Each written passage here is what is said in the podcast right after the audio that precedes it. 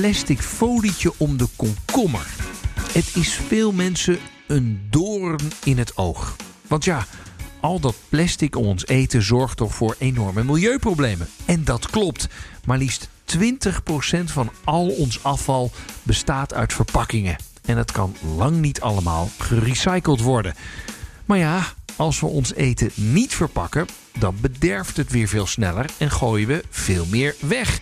En ook dat is een enorme belasting voor het milieu. Een duivels dilemma dus. Dit is De Voeding van Morgen, een podcast gemaakt over ons eten en ons eten in de toekomst. Mede mogelijk gemaakt door Unilever.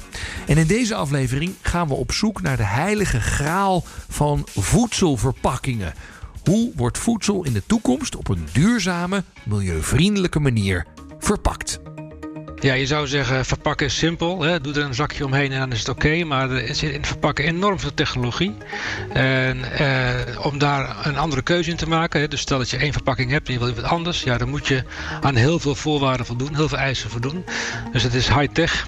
Ja, en is het dan ouderwets, biobased, biologisch afbreekbaar plastic, papier, glas, blik... De verpakkingsmogelijkheden voor ons eten zijn gigantisch. Maar wat is nou de meest duurzame keuze? En wat gebeurt er eigenlijk met verpakkingen als jij het in de prullenbak hebt gegooid?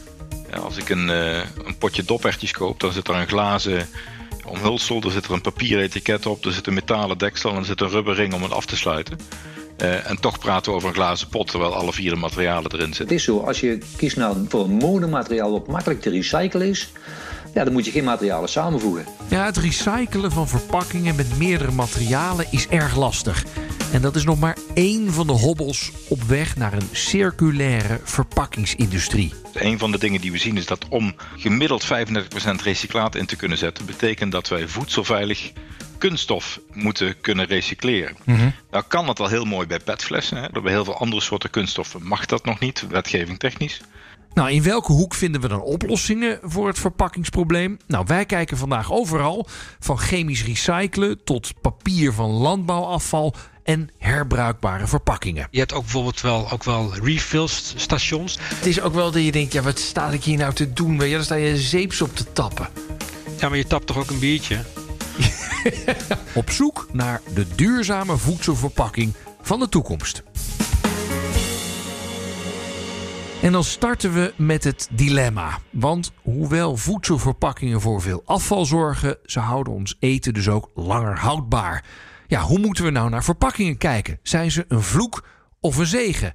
Ik legde deze vraag voor aan Chris Bruines en Rob Verhagen. Ja, ik ben Chris Bruines. Ik ben directeur van het Kennisinstituut Duurzaam Verpakken.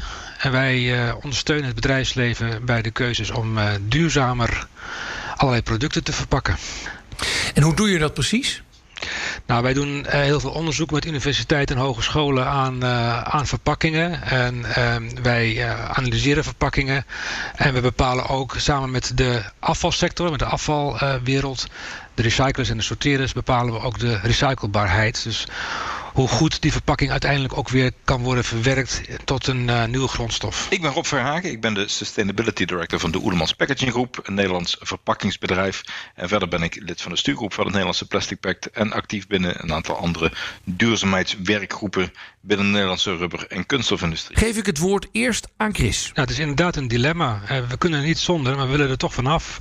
Uh, daar, daar, worstelen we nu ontzettend mee. Je kunt eigenlijk, als je het over plastics hebt, hè, want meestal gaat de discussie toch over plastic kun je eigenlijk in de voedingswereld uh, niet zonder plastic. Uh, aan de andere kant uh, presteren we nog niet genoeg, zeker in Europa niet en in de wereld, om dat plastic goed te verwerken en goed om te zetten tot nieuwe grondstoffen. En waarom kunnen we niet zonder plastic dan? Nou, omdat het een materiaal is wat uitstekende beschermende eigenschappen heeft. En uh, je kunt alles in blik stoppen, dat kan natuurlijk ook. Uh, dat heeft ook hele goede beschermende eigenschappen. Uh, eigenschappen maar een, een verse paprika in blik, ja, dat is toch een beetje vreemd. Dus daar is plastic een uitstekend materiaal voor. Ja, want waarom is plastic zo fantastisch dan? Het is, een polymeer. Plastic is een polymeer wat geen uh, uh, chemische werking meer heeft voor het product wat je beschermt. En je kunt het uh, voorzien van allerlei eigenschappen, barrière-eigenschappen noemen we dat. Waardoor je het voedsel langer vers kunt houden, langer houdbaar kunt houden. Mhm. Ik heb eens een onderzoek gelezen dat zegt van de FAO. en die zeggen wereldwijd 45% van de jaarlijkse oogst aan groente en fruit gaat verloren door voedselverspilling. En in veel gevallen is dat het gevolg van ontbrekende of gebrekkige verpakking. Ken jij die cijfers ook? Nou ja, ik ken de cijfers niet uit mijn hoofd, maar ik weet wel dat dat uh, heel erg speelt. Dat voedselverspilling uh, qua uh, milieu-impact veel en veel groter is dan, dan, de, dan de milieu-impact die verpakkingen veroorzaken. dus dat, die, verhouding ken ik wel. Maar goed, dat, dat laat onverlet dat we natuurlijk ook die verpakkingen wel moeten oplossen. Want die komen ook in het milieu terecht. Ja. Hoeveel meer is voedselverspilling een probleem ten opzichte van uh, uh, rotzooi van verpakkingen een probleem is? Het hangt een beetje vanaf hoe je het probleem definieert. Maar je kunt zeggen van als het gaat om de, om de CO2-schade, uh, zeg maar, dan is het 90 of 95 ten opzichte van, van 5 of 10. Als het om vleesverpakkingen gaat, is het zelfs 98 om 2, zeg maar. Dus het is echt veel veel, grotere impact heeft op het CO2, heeft vlees, dan de, de, de verpakking zelf. Die verpakking telt eigenlijk dan niet mee. Nee. Nee. En, en, dus, en dus is het uh, gewoon een blessing in disguise. Het is gewoon heel fijn dat het spul er is, zodat we minder dingen gaan weggooien. Ja, zeker. En dat is ook een blessing in disguise. Maar we moeten natuurlijk wel ervoor zorgen dat als we die verpakking eenmaal hebben in de afvalfase, dat we ook die blessing in disguise een blessing laten blijven. En dat we het ook goed, uh, goed uh, blijven weggooien en goed verwerken. Mm -hmm. Dus daar zit vaak wel uh, wat discussie. In Nederland doen we het vrij goed. Uh, in verhouding tot andere landen in Europa. Uh, maar ook hier uh, in Nederland halen we niet een hogere percentage dan, dan, dan 52% recycling van post-consumer noemen we het dan, wat uit het huishouden komt, aan plastic afvalverpakkingen. Aan Rob Verhagen, directeur duurzaamheid bij Oerlemans Packaging, vroeg ik of een wereld zonder kunststofverpakkingen een betere zou zijn. Dat denk ik niet. Wat je moet zien, verpakken is eigenlijk al verduurzamen. Als we een eeuw terug gaan kijken, dan zag je dat uh, de hoeveelheid voedselverspilling was gigantisch. Mm. Mensen werden ziek. Uh, doordat we zaken niet goed pasteuriseerden, niet goed steriliseerden. Voedselveiligheid was laag. Uh, dus we hebben hele hoge eisen aan onze levensmiddelen gesteld. En die, uh, mede door de, door de vooruitgang in de levensmiddeltechnologie, is ons voedsel veel veiliger geworden. Maar als je dat voedsel eenmaal veilig maakt, dan moet je dat ook veilig kunnen distribueren en veilig kunnen, kunnen consumeren. En daar is verpakking heel belangrijk voor. Maar goed, in discussies over uh, voedselverpakkingen is plastic vaak wel de kwaaie piet. Hè? Dat is wel de, de grote boosdoener van deze tijd. Wat, wat ja. vind jij daar dan van? Nou, ik snap dat, want wat je ziet is dat mensen reageren op problemen die, die zichtbaar zijn en die acuut zijn. Waar we niet goed in zijn geweest, is in het managen van ons plastic afval. Mm -hmm. En uh, polyethyleen en polypropyleen zijn kunststoffen die blijven drijven. Dus op het moment dat wij ons afvalmanagement niet goed onder controle hebben, uh, dan blijven de kunststoffen blijven drijven. En dat, dat, is gewoon heel zichtbaar. Verder zien we dat wij uh, toen kunststof werd ingevoerd, is er ook een, een uh, en kunststof heeft het voordeel dat het heel goedkoop is, hebben we ook een afvalcultuur, een wegwerpcultuur gemaakt. Mm -hmm. Als we verder gaan kijken, dan zie je natuurlijk naar de cijfers van het afvalfonds, en dat vind ik wel interessant. Wij recycleren natuurlijk een aantal materialen heel erg lang. Hè. Metaal wordt al heringezameld sinds de oudheid. En de ja. Tweede Wereldoorlog heeft daar een belangrijke rol in gespeeld. Glas en papier en karton zijn we goed gaan inzamelen sinds de oliecrisis, toen er een energietekort was. En dan zie je met name voor glas heb je heel veel energie nodig, maar door het gebruik van recycleerd glas kun je en grondstof besparen en heel veel energie besparen. -hmm. En kunststof uiteindelijk pas heel kort in de zaal. Ja, dus, maar dan is het misschien toch wel terecht dat die kwaaie Piet daar een beetje heen gespeeld wordt. Ondanks dat het enorm mooie eigenschappen heeft. Maar eigenlijk als sector, je bent gewoon, je hebt het mooi geproduceerd en het werkt goed, maar niet nagedacht destijds over hoe gaan we dit dan allemaal weer terugbrengen. Nou, wat je ziet is dat we hebben de end of life, de, het probleem van het verpakkingsmateriaal aan het einde van de levenscyclus. Ik denk dat we daar gewoon het werk niet, gewoon niet goed hebben gedaan als kunststofindustrie mm-hmm. of als verpakkingsindustrie. En tegelijkertijd denk ik dat we als industrie een hele duidelijke rol op dit moment nemen. Door in ieder geval ervoor te zorgen dat wij meer gaan recycleren, meer gaan inzamelen en meer gaan verwerken.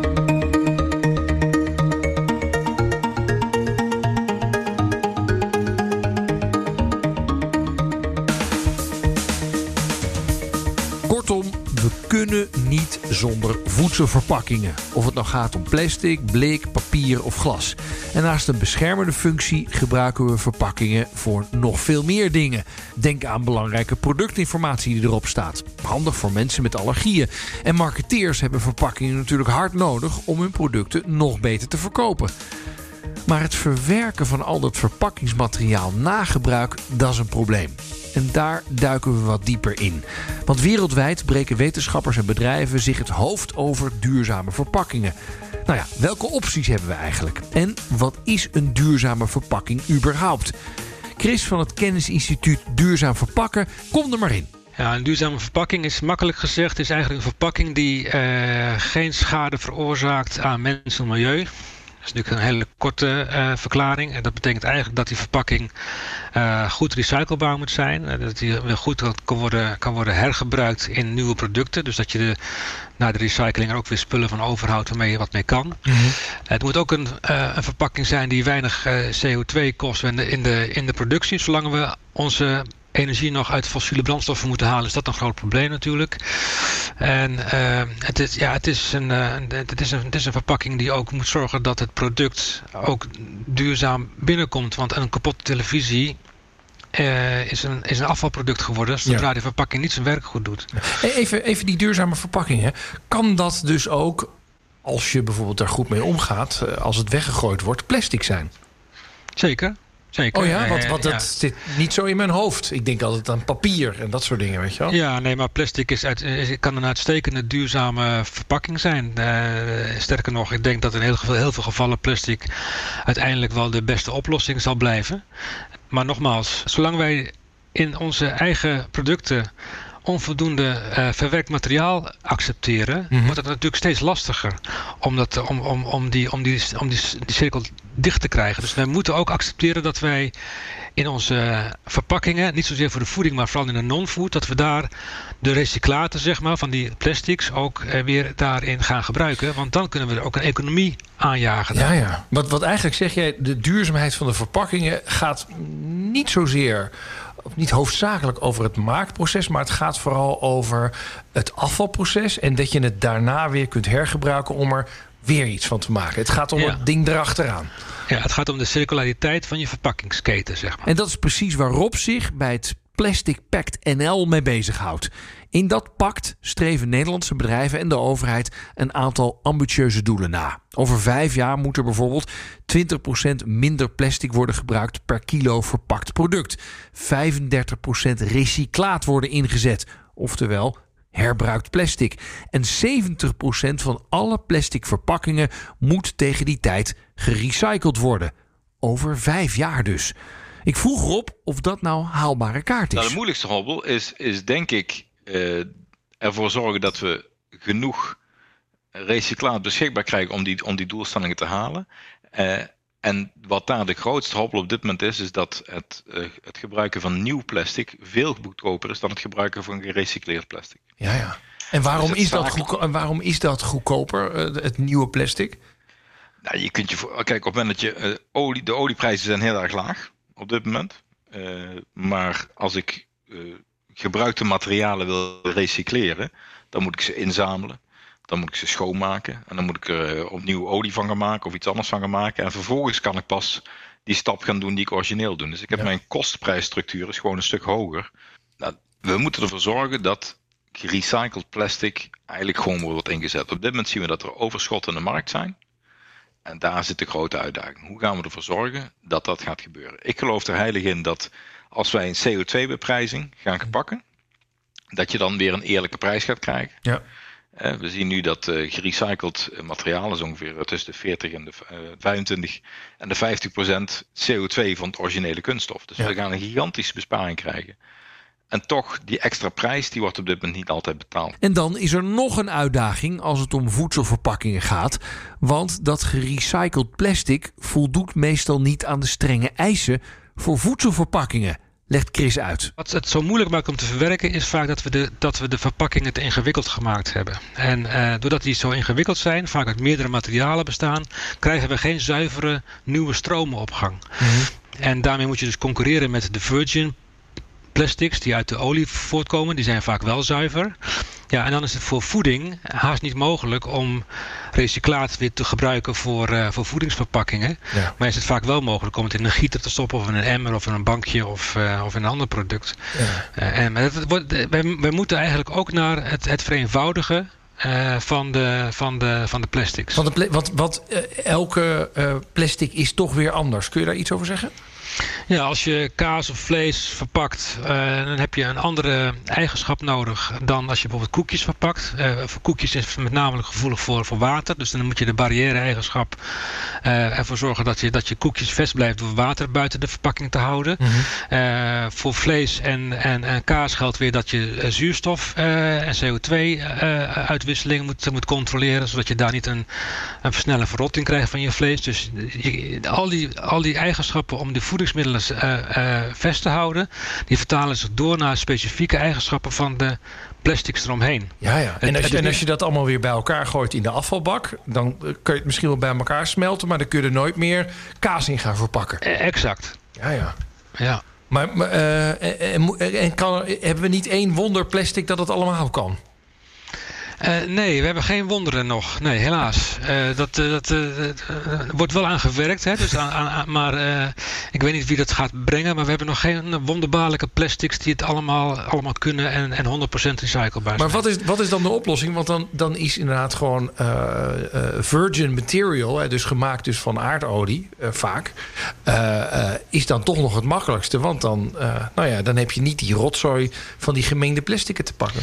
Nee, voor de, voor de foodverpakkingen denk ik ook wel dat we heel erg aan de virgin grondstoffen zullen blijven. Uh, maar voor de non-food verpakkingen, als je bijvoorbeeld kijkt naar, naar, naar, de, naar de flacons voor, voor shampoo bijvoorbeeld, of voor, voor, voor wasmiddel.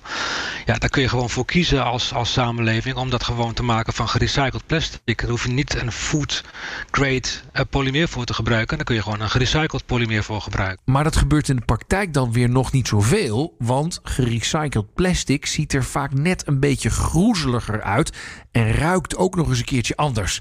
Maar volgens Rob liggen juist daarin kansen. Ja, het brengt allerlei uitdagingen. Tegelijkertijd, uh, iedereen roept altijd uitdagingen. Maar ik vind het mooi dat toen de eerste gerecycleerd pet op de markt kwam, dat gaf een beetje metalige schijn. En iedereen sprak, sprak over een kwaliteitsdefect. Op dit moment willen mensen juist die metalige schijn van dat gerecycleerd plastic, want dat is een teken dat het gerecycleerd is. Datzelfde zien wij in uh, ander gebruik van materiaal. Als wij te goed gerecycled materiaal hebben, dan gelooft de klant niet dat het gerecycleerd is. En dat zien we ook binnen de papierindustrie. Hè? Als jij gerecycled papier wil hebben, ja, dan wil je ook wel zien dat er een pitje in zit. ja. uh, en ik geloof er dus in dat waar we nu uh, de marketeers zeggen van oh, het drukbeeld is niet zo mooi, er zit een andere kleur. Dat we juist over een jaar of twee jaar gaan zeggen van hé, hey, ik wil die andere kleur, want dan kan ik het zien dat het van gerecycleerd materiaal is. Ja, ja ook dat is dus weer voer voor marketeers, toch? Ja, en dat is denk ik ook de reden waarom grote bedrijven, zoals een Coca-Cola, maar ook de grote Unilever, Kaufland, Lidl, dat zijn de mensen die op dit moment investeren in de recyclingindustrie. Dus dat is wel gaaf. De ja. grote merken investeren in recycling omdat zij zien dat dat de grondstoffen van de toekomst zijn. Hey, en hoe zit het dan met bio-based plastic en biologisch afbreekbaar? Zijn dat niet hartstikke duurzame verpakkingsmaterialen? Rob van Oerlemans Packaging ziet in de biohoek zeker kansen, maar is voorzichtig. Waar ik me zorgen over maak, is het feit dat er een verschil. Iedereen noemt alles bio. Hè, en dat klinkt ook fantastisch, hè? biologisch, biobased, bioafbreekbaar, bioscoop. Uh, als je er bio voor zet, dan klinkt het goed. Maar die dingen zijn heel anders. Een bio-based materiaal is heel anders dan een bioafbreekbaar materiaal. Nou, Chris legt het even verder uit. Ja, is heel veel verwarring over. Biobased wil zeggen dat, is dat, dat de grondstoffen die je gebruikt om de plastic te maken een biologische oorsprong hebben. Dus je kunt mais of suikerriet of andere grondstoffen kun je gebruiken om bijvoorbeeld polyethyleen te maken. En dan zijn het als het ware de zogenaamde biobased polyethylene, dus drop-in noemen we dat dan. Dat is, dat is een, een polymeer wat eigenlijk dezelfde polymeer is als vanuit olie. Mm -hmm. Alleen het, de grondstof is anders. Een biodegradable, dus biologisch afbreekbaar, dat is een, dat is een polymeer wat, wat in, in een composteerinstallatie uh, afbreekt met het groente, fruit en tuinafval. Oh. Maar het is niet zo dat als, als laat ik zeggen, kunststof heb van mais gemaakt, dat het dan ook automatisch afbreekt? Nee. Nee. En waarom willen we dit eigenlijk? Nou ja, de, de, de, de productie uit de, de, de, de, biologische uh, polymeren, zeg maar, dus de biobased, hebben een lagere CO2-footprint. Uh, dus die hebben een, die, zolang we, als je het vergelijkt met de fossiele korrels, presteren ze op dat vlak beter. aan de andere kant hebben ze wel meer ruimtebeslag. dus als we, als we al onze plastics willen gaan maken van biobased, dan komen we wel weer op andere terreinen in de problemen. Dus het zal altijd een mixture moeten zijn van biobased en fossiel. Mhm. En wij hebben nu op dit moment een paar procent biobased polymer in de markt. We willen naar 15 procent in Nederland. Dat is het, heeft het kabinet besloten. Dus er moet enorm worden getrokken aan die ontwikkeling van die biobased polymeren. Willen we dat getal gaan halen? En de biologisch afbreekbare, ja, dat is een beetje een belofte waar een hoop mensen uh, wel warme gevoelens bij hebben. Maar helaas in de natuur breken die polymeren ook niet af. Dus je kunt geen composteerbaar bekertje zomaar in de berm gooien. En dan blijft hij nog jaren liggen. Oké, dan gooien we het nu even over een andere boeg. Hoewel plastic prachtige eigenschappen heeft, blijft het lastig om een duurzame, recyclebare plastic voedselverpakking op de markt te krijgen. Nou, misschien moeten we dan kijken hoe we papier beter kunnen inzetten. We hebben toch niet voor niets al die gratis plastic zakjes in de ban gedaan. Tijd voor een nieuwe stem en wel van iemand die zich helemaal op duurzaam papier heeft gestort. Mijn naam is Peter van Rosmalen, eh, eigenaar en oprichter van Paperwise. Wij maken papier en karton van landbouw. En dat hebben we uh, gedaan en gestart naar aanleiding van landbouwafval, wat wereldwijd en masse verband wordt. Ja. En dat is natuurlijk jammer, want je verspilt een, een, eh, een, hele mooie grondstof. En van dat ingezamelde landbouwafval maken ze onder andere karton, dat dan weer wordt gebruikt voor duurzame voedselverpakkingen. En even voor mij, Peter, landbouwafval, dat zijn eh, stukken mais, graan. Wat, wat is dat eigenlijk? Nou, voor ons is landbouwafval Ehm, afval die overblijft na de oogst van onze voedselgewassen. Mm Dus het moet altijd een secundaire toepassing zijn. Als we denken aan graan, gerst, koren, tarwe, dan hebben we het eigenlijk altijd maar over 10 of 20 procent is maar de aard, dat is ons voedsel. En 80% is stengel. In het geval van mais hier in, in Europa wordt het nog vaak als diervoedsel gebruikt. Maar in het andere geval gebeurt er echt helemaal niks mee. Het wordt gewoon echt letterlijk verbrand. Oh. En um, tegenwoordig halen jullie dat op. Hè? Jullie bestaan vijf jaar. En, en wat, doe, wat doe je er precies mee? Onze fabrieken, onze partners waar paperwise geproduceerd wordt, wordt dat landbouwafval ingezameld. En vervolgens wordt dat landbouwafval, uh, dat wordt, uh, daar wordt de cellulose uitgehaald. Mm -hmm. Net zoals uh, heel veel papierfabrieken in Europa doen, maar dan uit een boom. Maar wij halen het daar uit, uit dat landbouwafval. En daar zit ongeveer net zoveel cellulose in landbouwafval dan dat er in een boom aanwezig is. En de, ja, vaak horen we nog, ja, maar CO2 en we hebben een boom nodig. Ja, dat klopt, we hebben wel bomen nodig.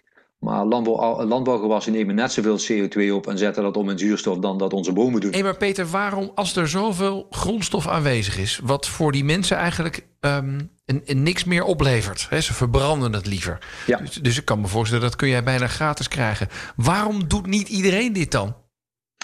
Nou, omdat onze huidige industrie is natuurlijk heel erg efficiënt geworden door bomen te gebruiken. En als je heel erg efficiënt bent, is andere grondstoffen, ook al zijn die in aanschaf de grondstof op zich niet veel duurder, dan produceer je natuurlijk veel kleinschaliger en minder efficiënt. Mhm. En dat is de uitdaging waar wij eh, voor staan als, als, met een bedrijf als Paperwise. Je doet iets wat niemand anders doet, die laat zien dat het kan. Maar de huidige papierindustrie is zo verdomde efficiënt dat je financieel uh, qua kostprijs gewoon bijna niet in de buurt komt. Ja, ja. En dat maakt het toch nog wel uitdagend om dat voor elkaar te krijgen. Dus eigenlijk is hier ook weer uh, groei, massa, is schaalvoordeel. Uh, en ik hoor ook wel, ja, papier, dat klinkt heel mooi natuurlijk. Maar omdat je dat maar één keer gebruikt, is het wel een enorme CO2-uitstoter. Vandaar dat wij ook op een gegeven moment een, een levenscyclusanalyse, een LCA, hebben laten maken om onze impact te berekenen van het papier. En uh, daar zit dan alles bij. Dan, dan kijk je naar een impact van het plantje. Want we beginnen met een voedselgewas. Uh, totdat het papier bij ons in ons magazijn ligt. En dan kun je nog steeds zeggen dat de impact uh, behoorlijk laag is. Maar, maar behoorlijk laag, want als je dat dan vergelijkt met plastics. Is het dan nog steeds behoorlijk laag? Want, want nee, kijk, het probleem met die papieren tasjes bijvoorbeeld is... die wordt echt maar één keer gebruikt. En zo'n plastic tas tegenwoordig wordt wel, weet ik wel 12, 13 keer gebruikt. Ja, dus kom je nee, daar, heb je, daar heb je gelijk. En als dat het geval is, als je een papieren tas maar één keer gebruikt, maar ja, we hebben een klant erbij die, laat, die, maken, die maken papieren tassen van Paperwise en die kun je gewoon ook 10, 15 keer makkelijk gebruiken. Mhm. Dus het is, het is overigens wel ooit lastig om plastic en papier met elkaar te vergelijken. En uh, ik zeg net al, we hebben een levenscyclusanalyse laten maken. Maar die hebben dan ook een vergelijk meegenomen met gewoon virgin papier van bomen en recycled papier. En hoe is het bij jullie? Want ik hoor ook wel weer dat um, uh, bij papier dan ook wel weer toch wel iets van plastic wordt toegevoegd, zodat het weer langer houdbaar kan blijven. En volgens mij is dat juist weer niet de bedoeling, want dan heb je weer twee verschillende soorten grondstoffen dat je weer moeilijk uit elkaar kunt halen. Hoe zit dat bij jullie? Ja, nou, dat ligt natuurlijk aan de toepassing. Je vroeg straks even van uh, wanneer is het een, een duurzame verpakking? Kijk, een van de eerste vragen die wij altijd stellen, uh, waar moet het aan voldoen? Want als je kijkt naar houdbaarheid, hè, dat red je niet met alleen papier. Dat red je overigens vaak ook niet met maar één soort kunststof. Dus, dus voor, voor papier is houdbaarheid altijd een uitdaging, papier en karton. -hmm. Dus dan kun je ervoor kiezen om dat te combineren met uh, een biofolie, met een biocoating, om toch bepaalde ja, eigenschappen te creëren waarmee je houdbaarheid verlengt.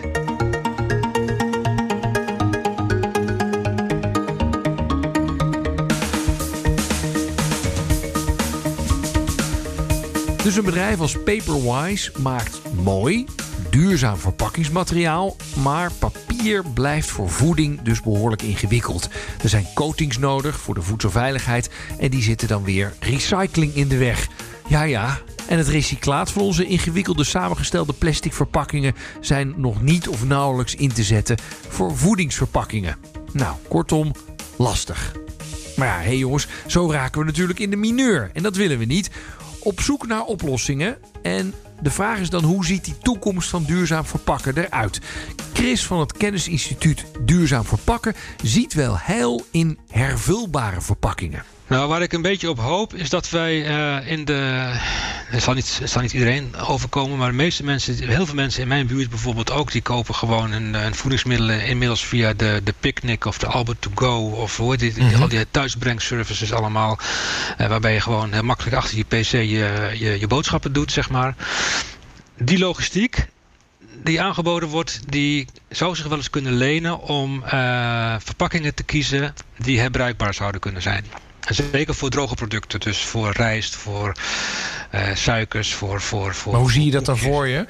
Nou ja, je hebt nu al voorbeelden van uh, herbruikbare verpakkingen in, de, in het zogenaamde loop-systeem. In Amerika is daar bijvoorbeeld een voorbeeld van, waarbij een aantal partijen zeggen van nou, ik wil wel mijn producten aanbieden aan de, aan de klant via de e-commerce. Mm -hmm. uh, maar ze krijgen dan gewoon een, een, een standaard verpakking uh, die ze weer in moeten leveren bij de volgende aanschaf. Waardoor je een soort, in plaats van statiegeld, misschien moet je er ook wel statiegeld op zetten, weet ik niet ja. of het werkt. Maar dan gaat, dat, gaat die verpakking aan zich gaat, gaat rond. Maar Chris, wees nou eens eerlijk, dat zet toch helemaal geen zoden aan de dijk? Nou ja, uh, wil je echt maar zeggen naar een, echt een, een, een, een, een duurzame toekomst in zichzelf, zeg maar, dat het echt helemaal dicht is qua kringloop, dan zullen we wel moeten kijken naar de afbreekbaarheid van die stoffen in de mm-hmm. toekomst. En of de huidige generatie plastics daaraan aan voldoen, dat is, daar hebben we wat, wat twijfels bij, omdat je nog steeds, als je het in de natuur vindt, zijn de biodegradables nog steeds niet zodanig afbreekbaar dat ze echt snel verdwijnen. Dus dat, dat levert best wel een probleem op. Maar we staan aan het begin van die innovatie om dat, om dat voor elkaar te krijgen. Dus ik vind wel dat de chemie in Nederland moet blijven zoeken naar, uh, naar, naar, naar nieuwe uh, plastics en nieuwe polymeren die een betere eigenschap vertonen als ze toevallig in het water terechtkomen of als ze toevallig in de zee terechtkomen of in de natuur. Misschien met microbiologische afbreekbaarheid of enzymatische afbreekbaarheid. Dus er zitten heel veel, nog heel, een heleboel kansen aan. En tot, zolang we dat niet hebben, zolang we daar nog niet zijn, moeten we ervoor zorgen dat we zo hard mogelijk dweilen met een kraan die zo, min, zo, zo zacht mogelijk loopt. Ja, maar, ja. Het is dan wel, maar, het is, maar het blijft dan wel dweilen met de kraan open. Ja, ja. Um, want want, want uh, daar zit wat jou betreft nog wel de holy grail als je dat voor elkaar kunt krijgen. Dat je echt, echt daadwerkelijk in de natuur afbreekbare verpakkingsmaterialen krijgt. Maar gaan wij dat meemaken dat we dat voor elkaar hebben? Nou, ik weet het niet. Dus ik, er zijn nu al uh, ontwikkelingen in, in, de, in de wetenschap uh, waarin, laten we zeggen, bacteriën of enzymen in staat zijn om uh, bijvoorbeeld pet af te breken tot 90 procent. Oh ja. En, en, en dus we, zijn gewend om het in de fik te steken, maar dat doen we al jaren. We zijn dus nog onvoldoende gewend om het op een andere manier te verwerken. Want we zijn nog maar 20 of 30 jaar aan het recyclen hooguit met die plastics. Als je het vergelijkt met glas en met papier, wat al veel langer wordt hergebruikt, ja, dan, uh, dan is plastic staat dan maar in de beginschoenen. Ja, dus we kunnen nog wel even door innoveren. Jazeker, ja. absoluut. De innovatie waar Rob van Oerlemans Packaging het meest van verwacht, zit dan ook in de chemie. Maar ik denk de grote klapper gaan we krijgen als we straks ook chemisch recyclaat in kunnen zetten. En wat is chemisch recyclaat?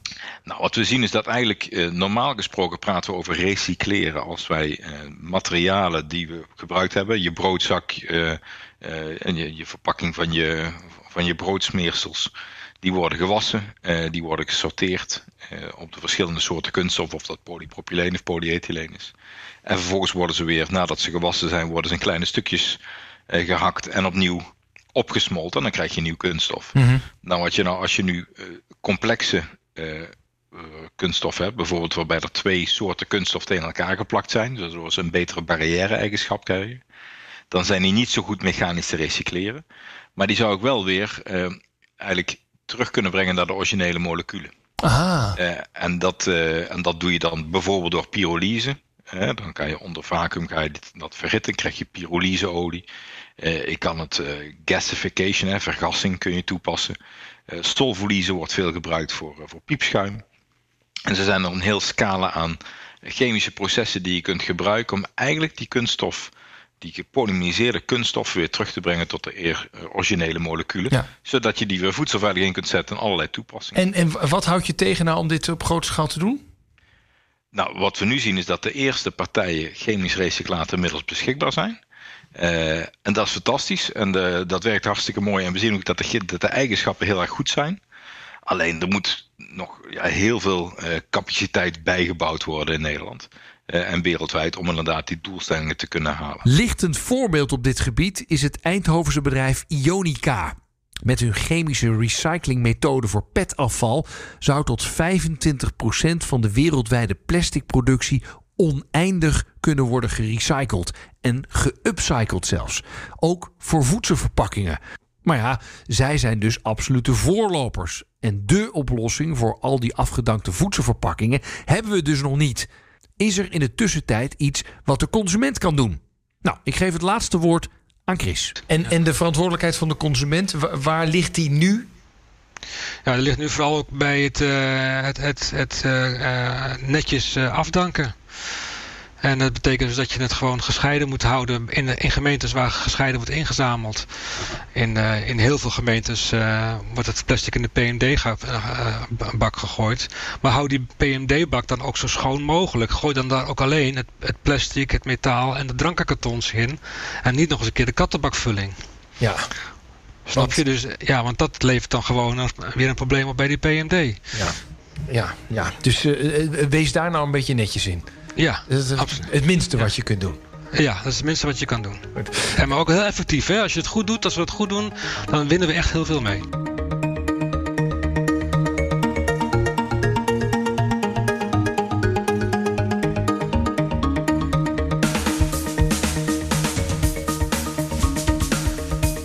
Oké, okay, it's a wrap. Maar het is best gecompliceerd. We kunnen niet zonder voedselverpakkingen, want de verspilling in een verpakkingsloze wereld zou een veel grotere belasting zijn voor de aarde.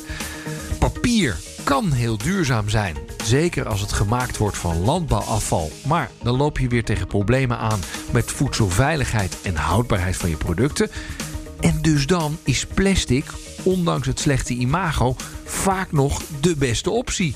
Maar ja, onze plastic verpakkingen zijn vaak nu zo ingewikkeld dat ze lastig te recyclen zijn. En het recyclaat is meestal niet geschikt voor de voedingsindustrie. Ondertussen wordt er wel hard gewerkt aan oplossingen. Zo zou chemisch recyclen ervoor kunnen zorgen dat dus ook die ingewikkelde samengestelde kunststoffen weer terug kunnen worden gebracht tot het origineel. En wie weet gooien we over 30 jaar onze plastic verpakkingen zonder gêne in de berm of sloot, omdat het daar dan razendsnel vergaat. Al voelt dat toch nog een beetje fout. Maar tot die tijd is het toch vooral hou die plastic recyclebak schoon. Nou, bedankt voor het luisteren en smaakt deze podcast nou naar meer? Je vindt andere afleveringen van Voeding voor Morgen op bnr.nl/slash voeding of in je favoriete podcastplayer. Dag.